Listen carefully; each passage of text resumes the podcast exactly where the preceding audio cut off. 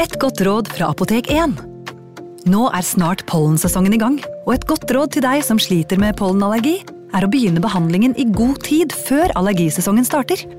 Da får du nemlig enda bedre effekt av legemidlene, og så blir ikke våren din helt ødelagt. Kom innom og få råd på ditt nærmeste Apotek 1, eller chat med oss på apotek1.no. Apotek 1 vår kunnskap, din trygghet.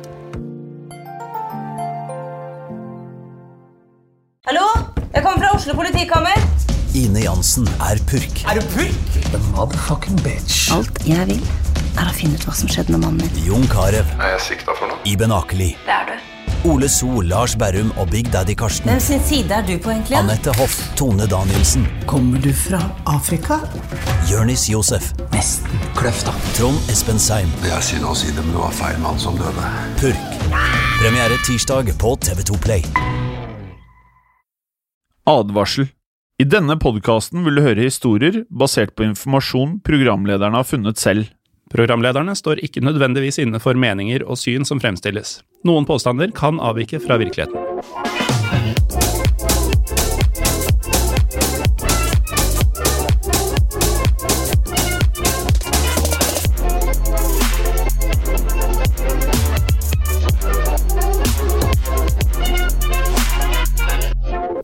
Velkommen til eh, Historiepodden. I dag skal vi snakke om en av verdens mest kjente spioner.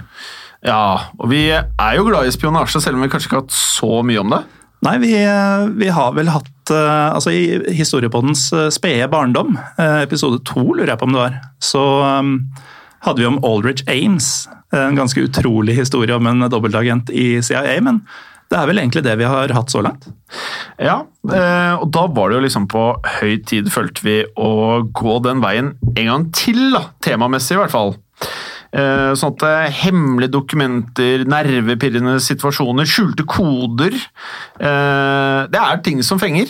Historier om spioner generelt sett er deilig. Det er det, og når jeg ser på serier og filmer, så er det spionthrillere jeg først og fremst ser etter. Altså Hvis jeg skal velge helt fritt, så tror jeg det er favorittsjangeren over noen.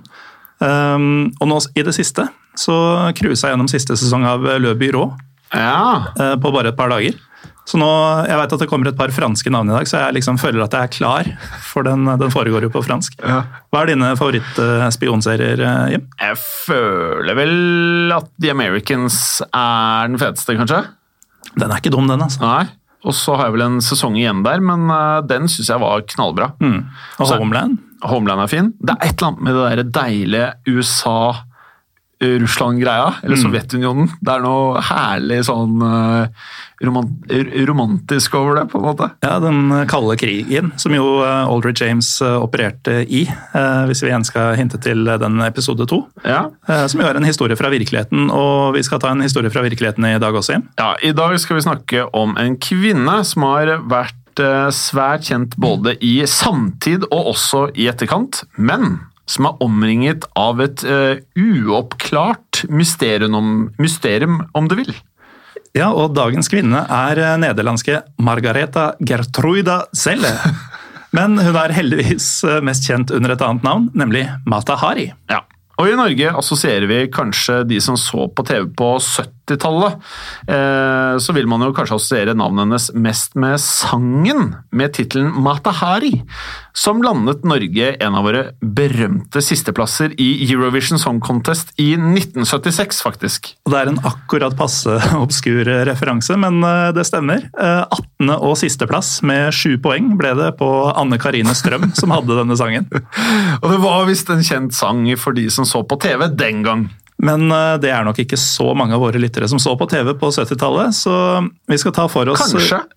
Ja, Kanskje. Det er jo en del voksne lyttere i Historiebånd nå, faktisk. ja det, det må det jo være, men Ja. så voksne? Ja, det er jo Jeg ser for meg at altså jeg Altså, jeg er jo vokst, vokst opp tidlig 80-tallet, jeg. Ja, det er Så du skal ikke langt tilbake. Nei, ok, kanskje det er en Ja, del. jeg lurer okay. på det. Beklager til alle Ja. som eh, måtte føle seg støtt. Vi er Ja. veldig glad i Dere er som gamle. Så på TV på 70-tallet også. Vi skal i hvert fall ta for oss eh, kvinnen Margareta, som da senere ble Mata Hari, og hennes karriere. Og kunstnernavnet hennes, Mata Hari, det har jo blitt synonymt med litt sånn forføreriske kvinner med hemmelighetsfulle forføreriske kvinner. eh, Som en slags femme fatale. Og Matahari er en av historiens mest kjente spioner. Ja, og i dag skal vi da ta for oss Matahari, og det største spørsmålet av dem alle var Matahari en kvinne som ble skyldig dømt for noe hun ikke hadde gjort, eller var hun virkelig eh, det den franske sikkerhetstjenesten anklaget henne for å være i 1917? Nå hoppa du omtrent rett til slutten. Må jo gi en liten smakebit da, Morten, på det store mysteriet, men eh, la oss begynne med begynnelsen, da. Ja, vi gjør det. Uh, Margareta Gertruida Zelle, uh, som hun altså het, ble født i 1876 i Leuvarden i uh, Nederland. Leuvarden er hovedstaden i Frisland, Å, nord i landet. Men for de fleste nordmenn så er området Frisland antagelig mest kjent for skøytebyen Heerenveen. Men det er ikke en del av historien her. Nei, Margareta var datter av en suksessrik hattemaker, og siden dette var en tid der ingen mann ville våget å bli sett offentlig uten en hatt, så tjente Margretas far Adam Zell, eller Adam Zelle, gode penger på nettopp dette. Og nå om dagen så er det jo mindre, mindre vanlig å se en hatt. Kanskje ikke fullt så fasjonabel som det var f.eks. i Olsenmannens tid. Ja, Der fikk du klemt inn eh, det også. Altfor lenge siden sist. Ja, veldig lenge siden sist, men en caps ser man jo ny og ne, da. Det gjør man. Er en lue en hatt? Nei. Nei, nja Nei? Ja. Jeg veit ikke helt. Hodeplagg og hatt er vel ikke synonymt? Ja, det er kanskje ikke det. Eh, vi får komme tilbake til det. Eh, faren til Margreta likte å eh, skjemme Margreta bort da hun var liten. Så da Margreta var seks år, skal faren ha gitt henne hennes eh, helt egne hest og kjerre. Eh, bortsett fra at minikjerra ikke ble trukket av en hest, men snarere to geiter. Det er jo en eh, original bursdagsgave til en seksåring å gi henne geit og kjerre. Men uh, Margareta hun var allerede som barn full av um, uvanlige, ekstravagante historier. For uh, hun likte å få seg selv til å fremstå som, uh, som noe helt uvanlig. Og hun fortalte vennene sine fantasifulle historier om hvordan hun ble født eh, i et storslått gods i byen og hadde vokst opp eh, i et slott. Dessverre gikk faren til Margrethe Adam konkurs da Margrethe var eh, 13. Faren hadde gjort noen eh, dårlige investeringer, og han dro til Amsterdam for å prøve lykken. Faren overlot så ansvaret for Margrethe og hennes tre brødre til Margretas mor Antje. Antje. Og dette tok hardt på for eh, Antje, eller Antje. Og hun ble deprimert og syk, og døde allerede to år senere, da Margareta bare var 15. Faren Adam han kom hjem for begravelsen, men var ikke interessert i å ta seg av barna sine. Så han sendte dem videre til diverse slektninger og kjente, og Margareta hun havnet hos gudfaren Her Fisser i en småby kalt Snek, som også ligger i Frisland, altså ikke langt fra der hun kom fra. Nei. Margrethe skjønte raskt at hun ikke ville være særlig ønsket hos gudfaren. Gudfaren foreslo at Margrethe skulle utdanne seg ved en skole for barnehagelærere, så Margrethe dro av gårde og begynte på skolen. Men Margareta fant seg ikke særlig til rette på denne skolen, for eh, barnehagelæreryrket det følte hun ikke var noe for henne. Eieren av denne skolen han ble faktisk forelska i henne, Ja. og Margareta svarte litt sånn halvpositivt på denne flørtinga hans. Og da dette ble offentlig kjent, da ble det selvfølgelig en stor skandale. Og stikk i strid med hva man kanskje skulle tro her eh, i disse dager, så eh, ble det meste av den offentlige misnøyen retta mot Margareta i stedet for skoleeieren. Ja. Så det var hun som måtte forlate skolen. ja, det hørtes jo litt ikke 2020 ut. Nei, ganske lite 2020 hvordan de løste det der. Ja. Deretter dro Margrethe til en onkel i Haag og bodde der. Da hun ble 18 ble det mye snakk om giftermål, men folk generelt mente at hun hadde en ulempe som hindret henne i å fremstå som attraktiv for menn. Margrethe var nemlig over gjennomsnittet høy, og høyere enn mange nederlandske menn. Mange mente at det var for rart og upassende faktisk at en kvinne skulle tårne over mannen sin. Det hadde ikke vært et problem eh, hvis hun hadde funnet deg, da, Morten. Ikke på noen måte, og Margareta hun brydde seg heller ikke stort om eh, dette, siden hun skal ha utstrålt eh, eleganse og framsto som ganske eksotisk, for hun hadde mørkt hår og mørke øyne. så hun kapret likevel mange mannshjerter. Det gjorde hun, men en dag da Margreta leste avisen, kom hun over en kontaktannonse som folk da angivelig pleide å sette i aviser og blader for å møte romantiske partnere, før vi da fikk internett eh, og da Tinder, Morten. Og Tinder og Happen og alt som eh, menn kan, eller eh, som alle kan kose seg med den dag i dag. Kvinner og menn, ja. Ja. I kontaktannonsen sto det følgende. Officer on home leave from Dutch East Indies would like to meet girl of a pleasant character. Object matrimony. Og denne kontaktannonsen omhandlet Rudolf MacLeod, eh, og kontaktannonsen hadde blitt eh, sendt inn til eh, avisen av en venn av han, uten at Rudolf selv eh, visste om det. Rudolph MacLeod han var en 38 år gammel militæroffiser som hadde fått helseproblemer av militærkarrieren og derfor kommet hjem til Nederland. Margreta svarte på kontaktannonsen, hun, og det gikk ikke lenge før de to møttes og ble forelsket. Og hva gjør man når man forelsker seg, Morten? På den tida så gifta man seg. Man gjorde det, til tross for en aldersforskjell på 20 år. Det hele gikk ganske raskt for seg, og Margreta fødte en sønn med Rudolf i 1897, kun 21 år gammel. Rudolf han utviklet seg etter dette på verst tenkelige måte, med både alkoholisme, verbal og fysisk mishandling og serieutroskap. Så dette ekteskapet var ikke spesielt lykkelig, i hvert fall ikke for eh, stakkars Margareta. Men hun ble likevel med da Rudolf ble sendt til øya Java i Indonesia. Og mens de var der, fikk de faktisk også en datter. Og Margareta hun fordypet seg i den indonesiske kulturen, i folket og malayisk språk, eh, for å komme seg litt bort fra de hverdagslige ekteskapsproblemene. Men Rudolf nektet å gi Margreta kjoler, fordi han mente det ville gjøre henne for vakker, og det var fullstendig uaktuelt at andre menn skulle synes at Margreta var attraktiv, mente Rudolf. Samtidig tok han en indonesisk kvinne til elskerinnene og fortalte kona at det bare var sånn at eh, dette var sånn det ble gjort, så hun måtte bare godta dette. Så han var en, eh, ja, en eh, hykler, kan man vel si. Ja, av eh, øverste skuffe, holdt jeg på å si. Ja. Um, samtidig så økte alkoholproblemene hans, og han var direkte fæl både mot kona og tjenerne deres, som de hadde en del av um, der de bodde. Og uh, snart så flyttet uh, familien til en annen indonesisk øy, uh, Sumatra.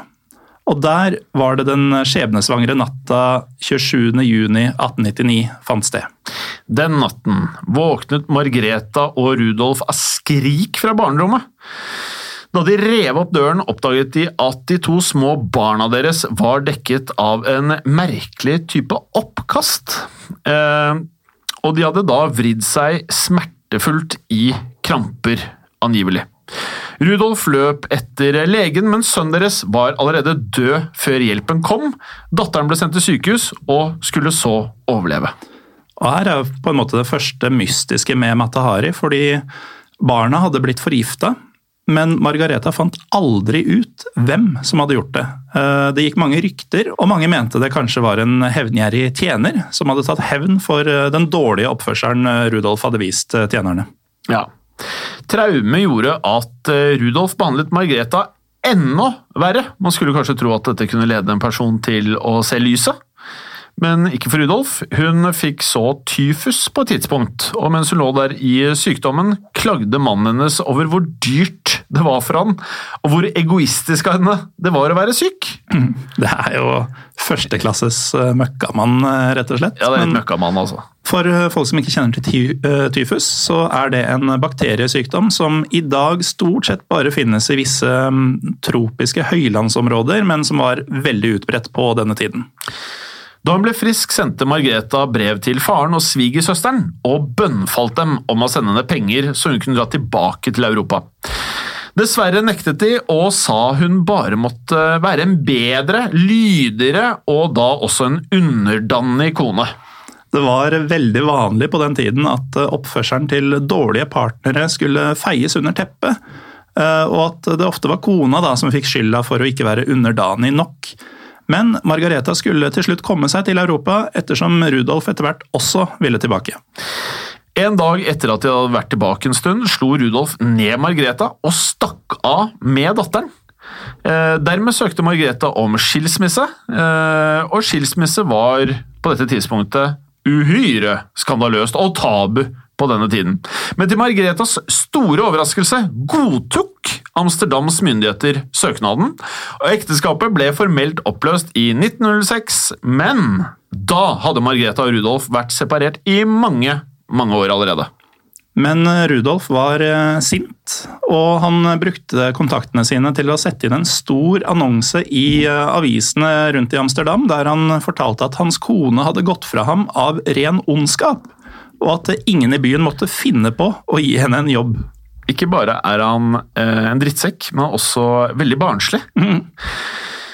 Eh, men det overrasker meg ikke med han, da, ut fra det vi har fått med så langt. Eh, Rudolf var jo en person med mange viktige kontakter, så han fikk det som oftest slik han ville. Så da sto Margrethe der uten penger, hun sto der uten jobb, og ingen mann eller barn. Og ingen i Amsterdam ville gi Margrethe jobb heller, så dette var en tung, tung, tung periode i livet til Margreta. Ja, det var eh, ikke enkelt eh, i eh, Nederland i hvert fall, men Margarete hadde alltid drømt om å arbeide i Paris. Og etter hvert så skrapte hun sammen nok penger til å dra til denne drømmebyen sin. Da. Og der ville hun starte et nytt liv med et nytt navn. Og det var akkurat det hun gjorde. Margareta brukte erfaringene fra Indonesia til å skape seg en ny person, om du vil, altså en ny slags type identitet.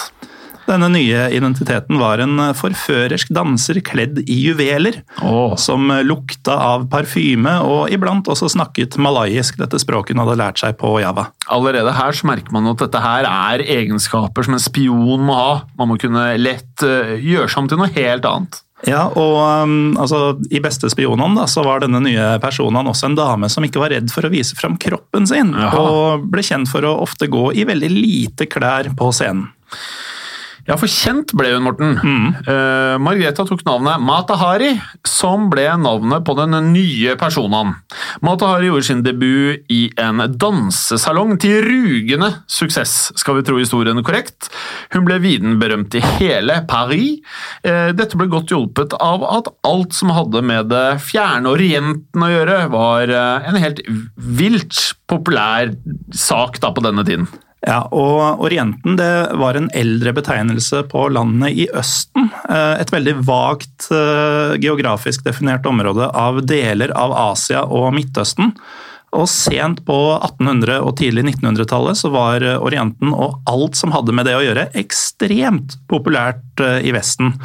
Dette ville si at alt som minna om det bildet vestlige folk hadde av denne såkalte Orienten, ble sett på som eksotisk og spennende og var da utrolig populært, selv om vi i dag vet at eh, dette bildet ofte var både uriktig, eh, stereotypisk, og at eh, denne ideen om Orienten var et veldig generelt bilde av en rekke land som i virkeligheten er veldig forskjellige fra hverandre.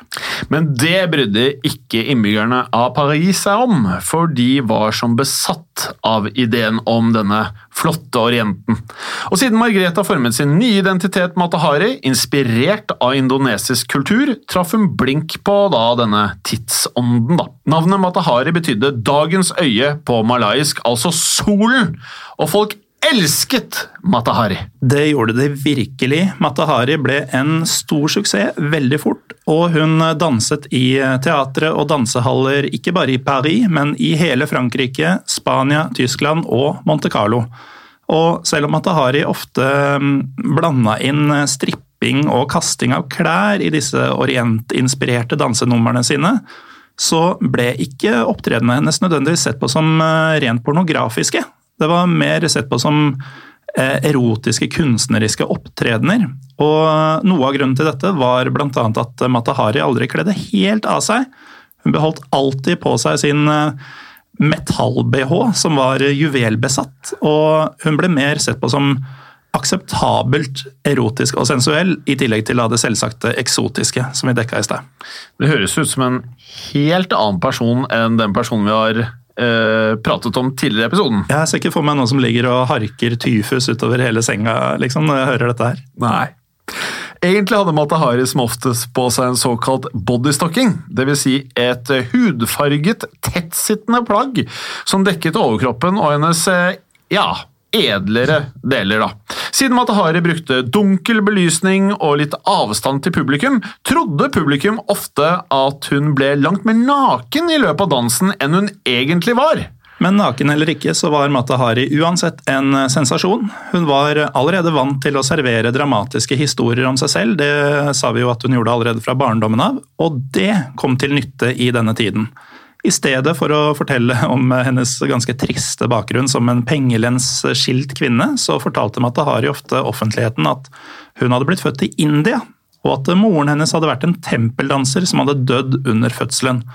Matahari fortalte at uh, pga. dette så hadde hun vokst opp i dette tempelet, og at dansen hennes hadde et spirituelt element. Ja. Matahari skal ha forklart et uh, forelsket publikum uh, noe sånn som dette. My dance is a sacred poem in which each movement is a word and whose every word is underlined by music. The temple in which I dance can be vague or faithfully reproduced as here today. For I am the temple. All true temple dances are religious in nature and all explain in gestures and poses the rules of the sacred texts. Hun eh, kunne fortelle grandiose historier om seg selv til både begeistra publikum og antagelig alle andre. Hun var veldig god på det. Mata Haris store dansekarriere varte fra ca. 1905 til 1912, og etter det trakk hun seg gradvis tilbake Eh, og underholdt menn i angivelig mer private settinger. Hun forsøkte hele tiden å kontakte datteren sin, men det kan vi jo nesten tenke oss til. Eksmannen Rudolf sendte alle Margretas brev tilbake helt uåpnet. Og Margreta forsøkte til og med å sende en venninne til datterens skole for å da altså kidnappe henne, men dette var eh, et, et mislyktes eh, forsøk. Nå har vi hørt mye om eh, Margaretas og senere Mata Haris eh, liv og dansekarriere, men vi har ikke hørt så mye om denne mm, hemmelige spionasjen som, eh, som vi både lurte vårt publikum inn med her tidligere, men som også skulle gjøre henne ettersøkt av den franske sikkerhetstjenesten ennå. Nei, og det skal vi komme til nå. Yes. For fram til dette punktet er historikere relativt enige om hendelsene i Mataharis liv. Men hva hun egentlig gjorde etter denne dansekarrieren, finnes det da litt forskjellige teorier eh, rundt. da. For etter at hun la opp dansekarrieren, så skulle det ikke gå lang tid før vi var kommet til år 1914 og utbruddet av første verdenskrig. Dette skulle da få svært så mørke følger for berømte Mata Hari. Og det er nå vi kommer til det store mysteriet. Matahari, var hun en spion for fiendtlige krefter, eller var hun helt uskyldig? Og det mysteriet det skal vi se nærmere på etter en kort pause. Velkommen tilbake. Vi har nettopp hørt om eh, Margreta Zelles reise fra offiserkone til en skilt fattig kvinne, til den store sensasjonen Matahari. Hovedkarrieren hennes som Matahari varte fra 1905 til 1912, men hun holdt noen få opptredener etter dette også, bl.a. i en musikkhall i Tyskland i mai 1914. Altså bare én måned før første verdenskrig brøt ut. Det har blitt skrevet mange biografier om Mata Hari, og noen mener at den opptredenen Mata Hari dansa på i Tyskland 1914, førte til et møte og et forhold med en tysk politioffiser. Denne tyske politioffiseren skal ifølge disse historikerne også ha ansvar for tysk spionasje, og skal derfor ha gitt Matahari i oppdrag å spionere på franskmennene. Under første verdenskrig sto Tyskland og Frankrike på hver sin side mot hverandre. Frankrike var alliert med Russland og Storbritannia, og senere også USA i 1917. Motsiden i krigen var Tyskland, Østerrike-Ungarn og Det osmanske riket. Krigen regnes jo å ha begynt den 28. juni 1914 med drapet på den østerriksk-ungarske tronfølgeren Frans Ferdinand. Og dette blir jo en fremtidig episode, det vet vi jo. Ja, ja, ja. ja, ja, ja. Eh, det utløste en politisk krise, selv om de involverte landene formelt erklærte krig mot hverandre først litt senere. Eh, de fleste maktene hadde allerede en del bakgrunnskonflikter gående mellom seg, og det er ikke utenkelig at en tysk politioffiser skulle be Matahari spionere på Frankrike rett før krigens utbrudd. Ja, og De som følger denne eh, teorien om at Matahari ble spion allerede i 1914, tror også at Mata-Hari deretter ble sendt til et eh, tysk spionakademi i Belgia, hvor hun fikk streng opplæring i hele 15 uker. Tysk spionakademi. Det, I det blir- 1914. det blir jo ikke sykere enn det. Nei, det er ganske heavy. Dette akademiet skal også ha vært stedet der Matahari fikk kodenavnet H21! Et kodenavn som blir svært viktig senere for Mataharis eh, endelige skjebne, kan vi vel si. Ja. Mata-Hari selv skal eh, senere ha sagt at hun aldri satte sine ben på dette tyske spionakademiet, og mange andre biografiforfattere trodde og tror fortsatt på henne. Eh, Så det kan godt hende at hun aldri gikk på dette spionakademiet og ikke ble tysk spion eh, på vårsommeren 1914. Men det høres så riktig ut for historiepodden. Det gjør det. Om Matahari var spion eller ei, så begynte ting raskt å ta alvorlige vendinger i Tyskland. Matahari hun forlot Tyskland den 6. august 1914, og senere skal hun ha fortalt at hun gjorde dette fordi politiet hadde begynt å behandle utlendinger riktig så dårlig. Det hjalp heller ikke at Matahari hadde tilbrakt mange år i Paris, og mange tyskere anså henne derfor som fransk, og på da franskmennenes side. Matahari endte opp eh, tilbake i Amsterdam og reiste deretter flere ganger mellom Nederland og Paris. Dermed begynte den franske sikkerhetstjenesten å legge merke til henne, og siden Matahari hadde hatt en tysk elsker ganske nylig, så ble hun jo ansett som mistenkelig. Matahari fant imidlertid ny kjærlighet i Paris. Hun traff en ung mann, den russiske offiseren Vladimir Maslov i Paris. Han var 21 år da han møtte den nå 40 år gamle Matahari, men kjærligheten blomstret, og den blomstret raskt. Men etter hvert så ble Vladimir sendt til fronten og kom tilbake derfra med et ødelagt øye, og han sto faktisk i fare for å miste det andre øyet også. Så derfor så trengte paret desperat penger. Matahari kom i kontakt med militærkapteinen Georges Ladoux, franskmannen som hadde ansvar for fransk kontraetterretning. Og kontraetterretning er jo på godt norsk spionasje, som da skal avdekke og bedra andre lands etterretningsvirksomhet mot ditt eget land. Det er jo greit komplisert, men for så forhåpentligvis forståelig. Ja, det er forståelig. Uh, Matahari møtte altså sjefen for Frankrikes kontraetterretning, og han lova henne en god sum penger om hun kom i kontakt med tyskere som ga henne informasjon om deres etterretningsvirksomhet mot Frankrike. Uh, dette tilbudet aksepterte Matahari i midten av 1916. Alle historier Morten, som vi har hvor det er litt sånn eh, frem og tilbake, prøve å forklare ting som er innvikla, minner meg litt om Operation Minsmith. Ja, Det er så det, altså. mye kontra frem og tilbake. Man holder tunga veldig rett i munnen. Ok, Matahari var ikke spesielt interessert i arbeidet som spion veldig lenge. Hun ville helst gjøre et eh, stort kupp og få en god pengesum av eh, noen takknemlige franskmenn, så hun kunne gifte seg med sin kjære og leve da lykkelig sammen med han i alle deres dager. Matahari tok en lang rute til Tyskland for å ikke virke mistenkelig, og hun ble litt forsinket av at eh, britisk etterretning trodde at hun var en annen tysk agent ved navn Clara Benedix. Og det høres bra ut. Eh, Dette var en tysk spion som ligna litt på Matahari. Ja. Vi må huske at det var før facial recognition software og sånne ting. dette her. Eh, Frankrike fikk eh, Matahari ut av denne lille forvekslingskrisa, og omsider kom hun seg til Tyskland enten sent eh, 1916 eller tidlig 1917. Og her er nok de aller fleste enige om at Matahari inngikk et eh, forhold til den tyske majoren Arnold Kalle. Hun var eh, rimelig aktiv på mannefronten. Hun, eh, hun var jo spion, vet du. Så hun, eh, dette her var ting som var viktig. Som sagt, da. Det å være spion, det betyr at du faktisk må komme i godlaget med forskjellige eh, mennesker på veien. Sånn at eh, Og da få tak i eh, viktig innsideinformasjon fra tysk etterretning, det krever at du virkelig er på innsiden. Så det hun gjorde eh, med Arnold Kalle, det var at hun ga en viktig informasjon om hva Frankrike planla. Denne informasjonen var selvfølgelig da bare fransk sladder, rykter man fant i Frankrikes aviser på denne tiden, så dette så hun ikke et stort problem i å gi videre. Nei, og planen hennes eh, så ut til å virke, fordi majoren han lot det glippe for Matahari at Tyskland de planla et eh, ubåtoppdrag i den franske delen av Marokko. Matahari var selvfølgelig overlykkelig av å få hemmelig informasjon ut av denne majoren, og sendte informasjonen videre til fransk etterretning. Som høres veldig rutinert ut, da. Problemet var bare at uh, tyskernes ubåtoppdrag var godt kjent for franskmennene allerede.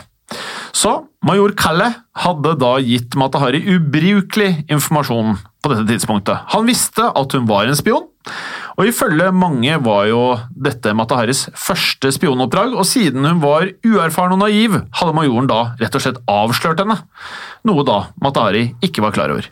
Så da Matahari dro tilbake til Paris og forventet en god sum penger som lønn for eh, informasjonen hun hadde gitt den franske sikkerhetstjenesten, så ble hun jo naturligvis ganske skuffet. Lado ville nemlig ikke gi henne belønning for gammel informasjon som de allerede hadde, og Matahari måtte gjøre noe bedre om hun ville ha de pengene hun var blitt lovet. Dessverre. Matahari ble veldig frustrert over dette og planla å forføre en eh, annen mann, som eh, denne gang sto enda høyere på den tyske rangstigen, eh, til sitt neste oppdrag. Så hun kunne da skaffe informasjonen som hun trengte for å få penger. Og måtte Harry ventet tålmodig på sitt neste oppdrag. Dette oppdraget kom dessverre aldri, for Ladou og kollegaene hans klarte nemlig å knekke en kodet melding som den samme tyske major Kalle sendte videre til sine kollegaer. Og I denne meldingen ga han viktig informasjon, og sa at han hadde fått denne informasjonen av spionen H21. Innholdet i meldingen var uh, bare franske rykter, så fransk etterretning var ikke noe særlig bekymret for dette. Problemet var det at tyskerne her refererte til Matahari. De hadde tydeligvis da allerede hatt et kodenavn for henne, nemlig det nevnte H21. Tyskerne refererte til Matahari med et kodenavn som tilsa at de allerede da var kjente med henne som spion, som fikk henne til å høres ut som hun egentlig var en tysk spion. Og Vi skal legge til her at eh, fransk etterretning på denne tiden var under sterkt press eh, til å fange fiendtlige spioner i landet. Og her hadde de jo rett og slett fått eh, servert et sterkt tegn på at eh, Mata Hari var en eh, dobbeltspion eller dobbeltagent for tyskerne rett i fanget. Og Dette her var jo ganske beleilig for Frankrike, da, som var på utkikk etter å vise frem sin kompetanse i å da fange spioner. Og kanskje litt for beleilig, kanskje? Oh, ja, ja. For her kommer et særdeles viktig punkt. Informasjonen med Mataharis kodenavn i ble sendt gjennom en kode som tyskerne allerede visste at franskmennene hadde knekt. Følger du meg? Jeg tror det. Tyskerne ville altså at Matahari skulle bli mistenkt for å være tysk spion. Så her har man da to scenarioer. Det ene, hvis man tror på at Matahari aldri var en tysk spion, så kan dette trekket ses på som tyskernes plan for å lure franskmennene til å kvitte seg med sine egne agenter. At de bare fant på et kodenavn for Matahari og fikk henne til å se ut som en tysk spion. Men du Morten, det er jo ingen tvil om at eh, noen i denne mølla med kontraspionasje Her må jo eh, folk på begge sider ha blitt litt eh, forvirra av hva de drev med? Jeg tror de svetta ganske bra på begge sider, faktisk. Dersom man derimot tror på at Matahari faktisk var en tysk spion, kan jo dette trekket ses på som at tyskerne da brukte dette her som en måte til å kvitte seg med en spion de ikke hadde bruk for lenger. På den måten kunne de få Matahari av veien ved hjelp av de uvitende eh, franskmennene.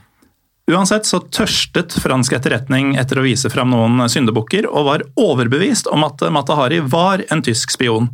Så Matahari ble arrestert den 13. februar 1917 og sto foran retten, tiltalt for spionasje for Tyskland i juli 1917. I retten erklærte Matahari at hun ikke var noen tysk spion. På anklagene om tysk spionasje skal hun ha sagt A courtesan, I admit it. A spy, never. I have always lived for love and pleasure. Dette var ikke sånn kjempesolid forsvar, så saken gikk ikke i Mataharis favør. Eh, for under avhørene kom det fram at hun faktisk hadde fått penger fra tyske agenter for å spionere, men at hun sa hun aldri faktisk hadde gjort noe for dem etter å ha fått eh, pengene. Hun påsto at hun hadde tatt pengene uten noen som helst intensjon om å gjøre noe som helst, men så på pengene som hevn for alt tyskerne hadde tatt fra folk i Frankrike i starten av krigen. Ja, Avsløringen av at hun faktisk hadde fått penger av uh, tysk etterretning, gjorde henne bare enda mer mistenkelig i franskmennenes øyne. Matahari sverget på at hun var uskyldig gjennom hele denne rettssaken. Men å sverge hjalp henne ikke i det hele tatt. Retten erklærte henne skyldig i tysk spionasje, og straffen var henrettelse. Så den 15. oktober 1917 ble Matahari hentet fra cellen sin og stilte opp foran tolv menn med rifler. Det var eh, vanlig at den som skulle henrettes, ble tilbudt om eh, hun ville ha bind for øynene, men Matahari takket plent nei. Hun stilte seg med ansiktene mot bødlene sine og så på dem. Og flere kilder påstår eh, også at hun i sitt siste øyeblikk av ekstravaganse fra sin fargerike fortid rett og slett sendte et slengkyss mot de som var der for å henrette henne. Kan jo eh, stå litt i tråd med typen hun har vært frem til nå, eller? Ja, det, det er fullt mulig at det stemmer, altså. Men uh, slengkyss eller ikke, så ble, ble Matahari opprinnelig Margareta Zelle, deretter skutt til døde, bare 41 år gammel. Og ingen ville ta på seg ansvaret med å begrave henne, så kroppen hennes ble rett og slett donert til medisinsk forskning. Ja, og slik slutter jo da historien til Matahari, en skilt kvinne som ble et ikon gjennom dansekarrieren sin, og senere ble en spion og til slutt dømt til døden. Og selv i dag er eh, ikke alle historikere enige om Matahari ble uskyldig dømt eller ei. Eh, og ingen kan være helt sikre på om hun egentlig var en tysk spion, eller om franskmennene henrettet en av sine egne, faktisk. Et par av de som kjente Matahari, sa i ettertid av henrettelsen at Matahari absolutt var dyktig med mennesker sosialt sett, men også at hun var for naiv og for lettlurt til å kunne være en dobbeltspion. og det forklarer i så fall hvorfor hun ble tatt så fort, dersom hun faktisk var en dobbeltspion. Ja, Det spørs om vi noen gang får vite sannheten, men eh, det er noe interessant med Mataharis ettermæle, som er litt av grunnen til at vi brukte så mye tid i starten av episoden på å fortelle om dansekarrieren hennes. Ja, for egentlig var jo Mataharis Haris store dansekarriere over da hun skulle ha drevet med spionasje for Frankrike og muligens for Tyskland. Men bildet av henne i ettertid har eh, liksom blanda disse to periodene i livet hennes sammen. Som at dansinga og spionasjen skal ha foregått samtidig. Så bildet folk har fått av Matahari, var da av en mystisk danser og underholder som forførte hemmelig informasjon ut av viktige menn når hun hadde gått av scenen. Matahari ble jo et ja, man kunne jo si et sexsymbol i sin uh, dansetid. Så å kombinere dette med litt skandaløse, men uh, ja, spennende spionasje ga opphav til en svært fascinerende figur i folks øyne. Og dette slo an. Litt sånn uh, som du nevnte, fem fatal. Folk synes gjerne at både erotikk og spionasje er spennende, så det er ikke rart at disse to bildene av Matahari ble kombinert. Skal vi si noe om hva fem fatal betyr? Ja, det er jo altså Et engelsk ord som har blitt brukt litt om femme fatale, er jo man-eater. Men uh, kort uh, fortalt så er det kanskje en, um, en, kvinne som bruker sin seksualitet til å lure um, holdt på å si, offeret inn i uh, en plan hun har. da. Ja.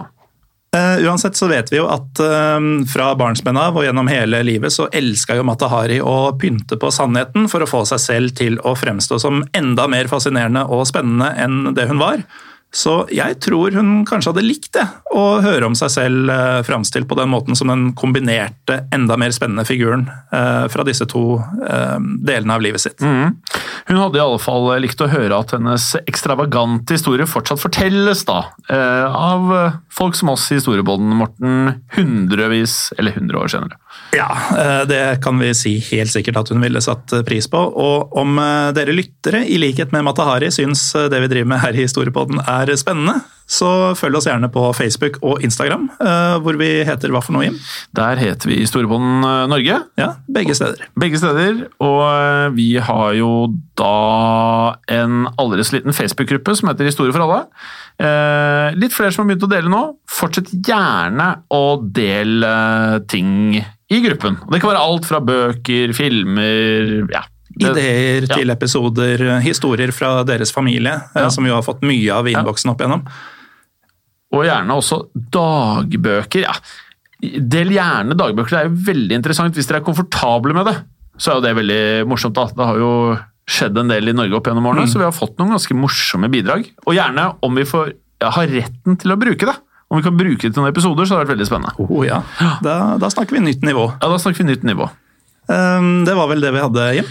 Ja, og det har jo skjedd. Og det kan skje igjen. Helst ikke. Eller jo, kanskje. Jo, dette tror jeg faktisk skjer i våre dager. Ja, det skjer. Eh, det er jo sånn det, det har jo vært brukt av KGB og sånn, dette med ja. Det har nok skjedd vakre mange kvinner til å suge ut informasjonen fra den andre siden. Hvis det er lov å si. Ja. Nå tror jeg vi gir oss. Takk for oss. Takk for oss. I produksjonen av Historiepodden så ønsker vi å takke Håkon Bråten for lyd og musikk. Takk til Felix Hernes for produksjon. Takk til Ellen Froktenestad for tekst og manus. Og takk til deg, Morten Galesen, for programlederrolle. Og takk til deg, Jim Fosheim, for programlederrolle. Moderne media. Har du et enkeltpersonforetak eller en liten bedrift? Da er du sikkert lei av å høre meg snakke om hvor enkelt det er med kvitteringer og bilag i fiken, så vi eh, gir oss her, vi. Fordi vi liker enkelt. Fiken superenkelt regnskap. Hei, og takk for at du lytter til Historiepodden. Skulle du ønske at du kunne høre en ny episode av Historiepodden hver eneste uke? Vel, da er det én ting å gjøre. Da kan du laste ned podkastappen Untold med det samme. For i tillegg til ukentlige episoder av podkaster som Historiepodden andre verdenskrig, Henrettelsespodden og også Gangsterpodden, så får du masse annet reklamefritt og også eksklusivt innhold. Last ned Untold i AppStore eller Google Play og start din 30 dagers gratis prøveperiode allerede i dag.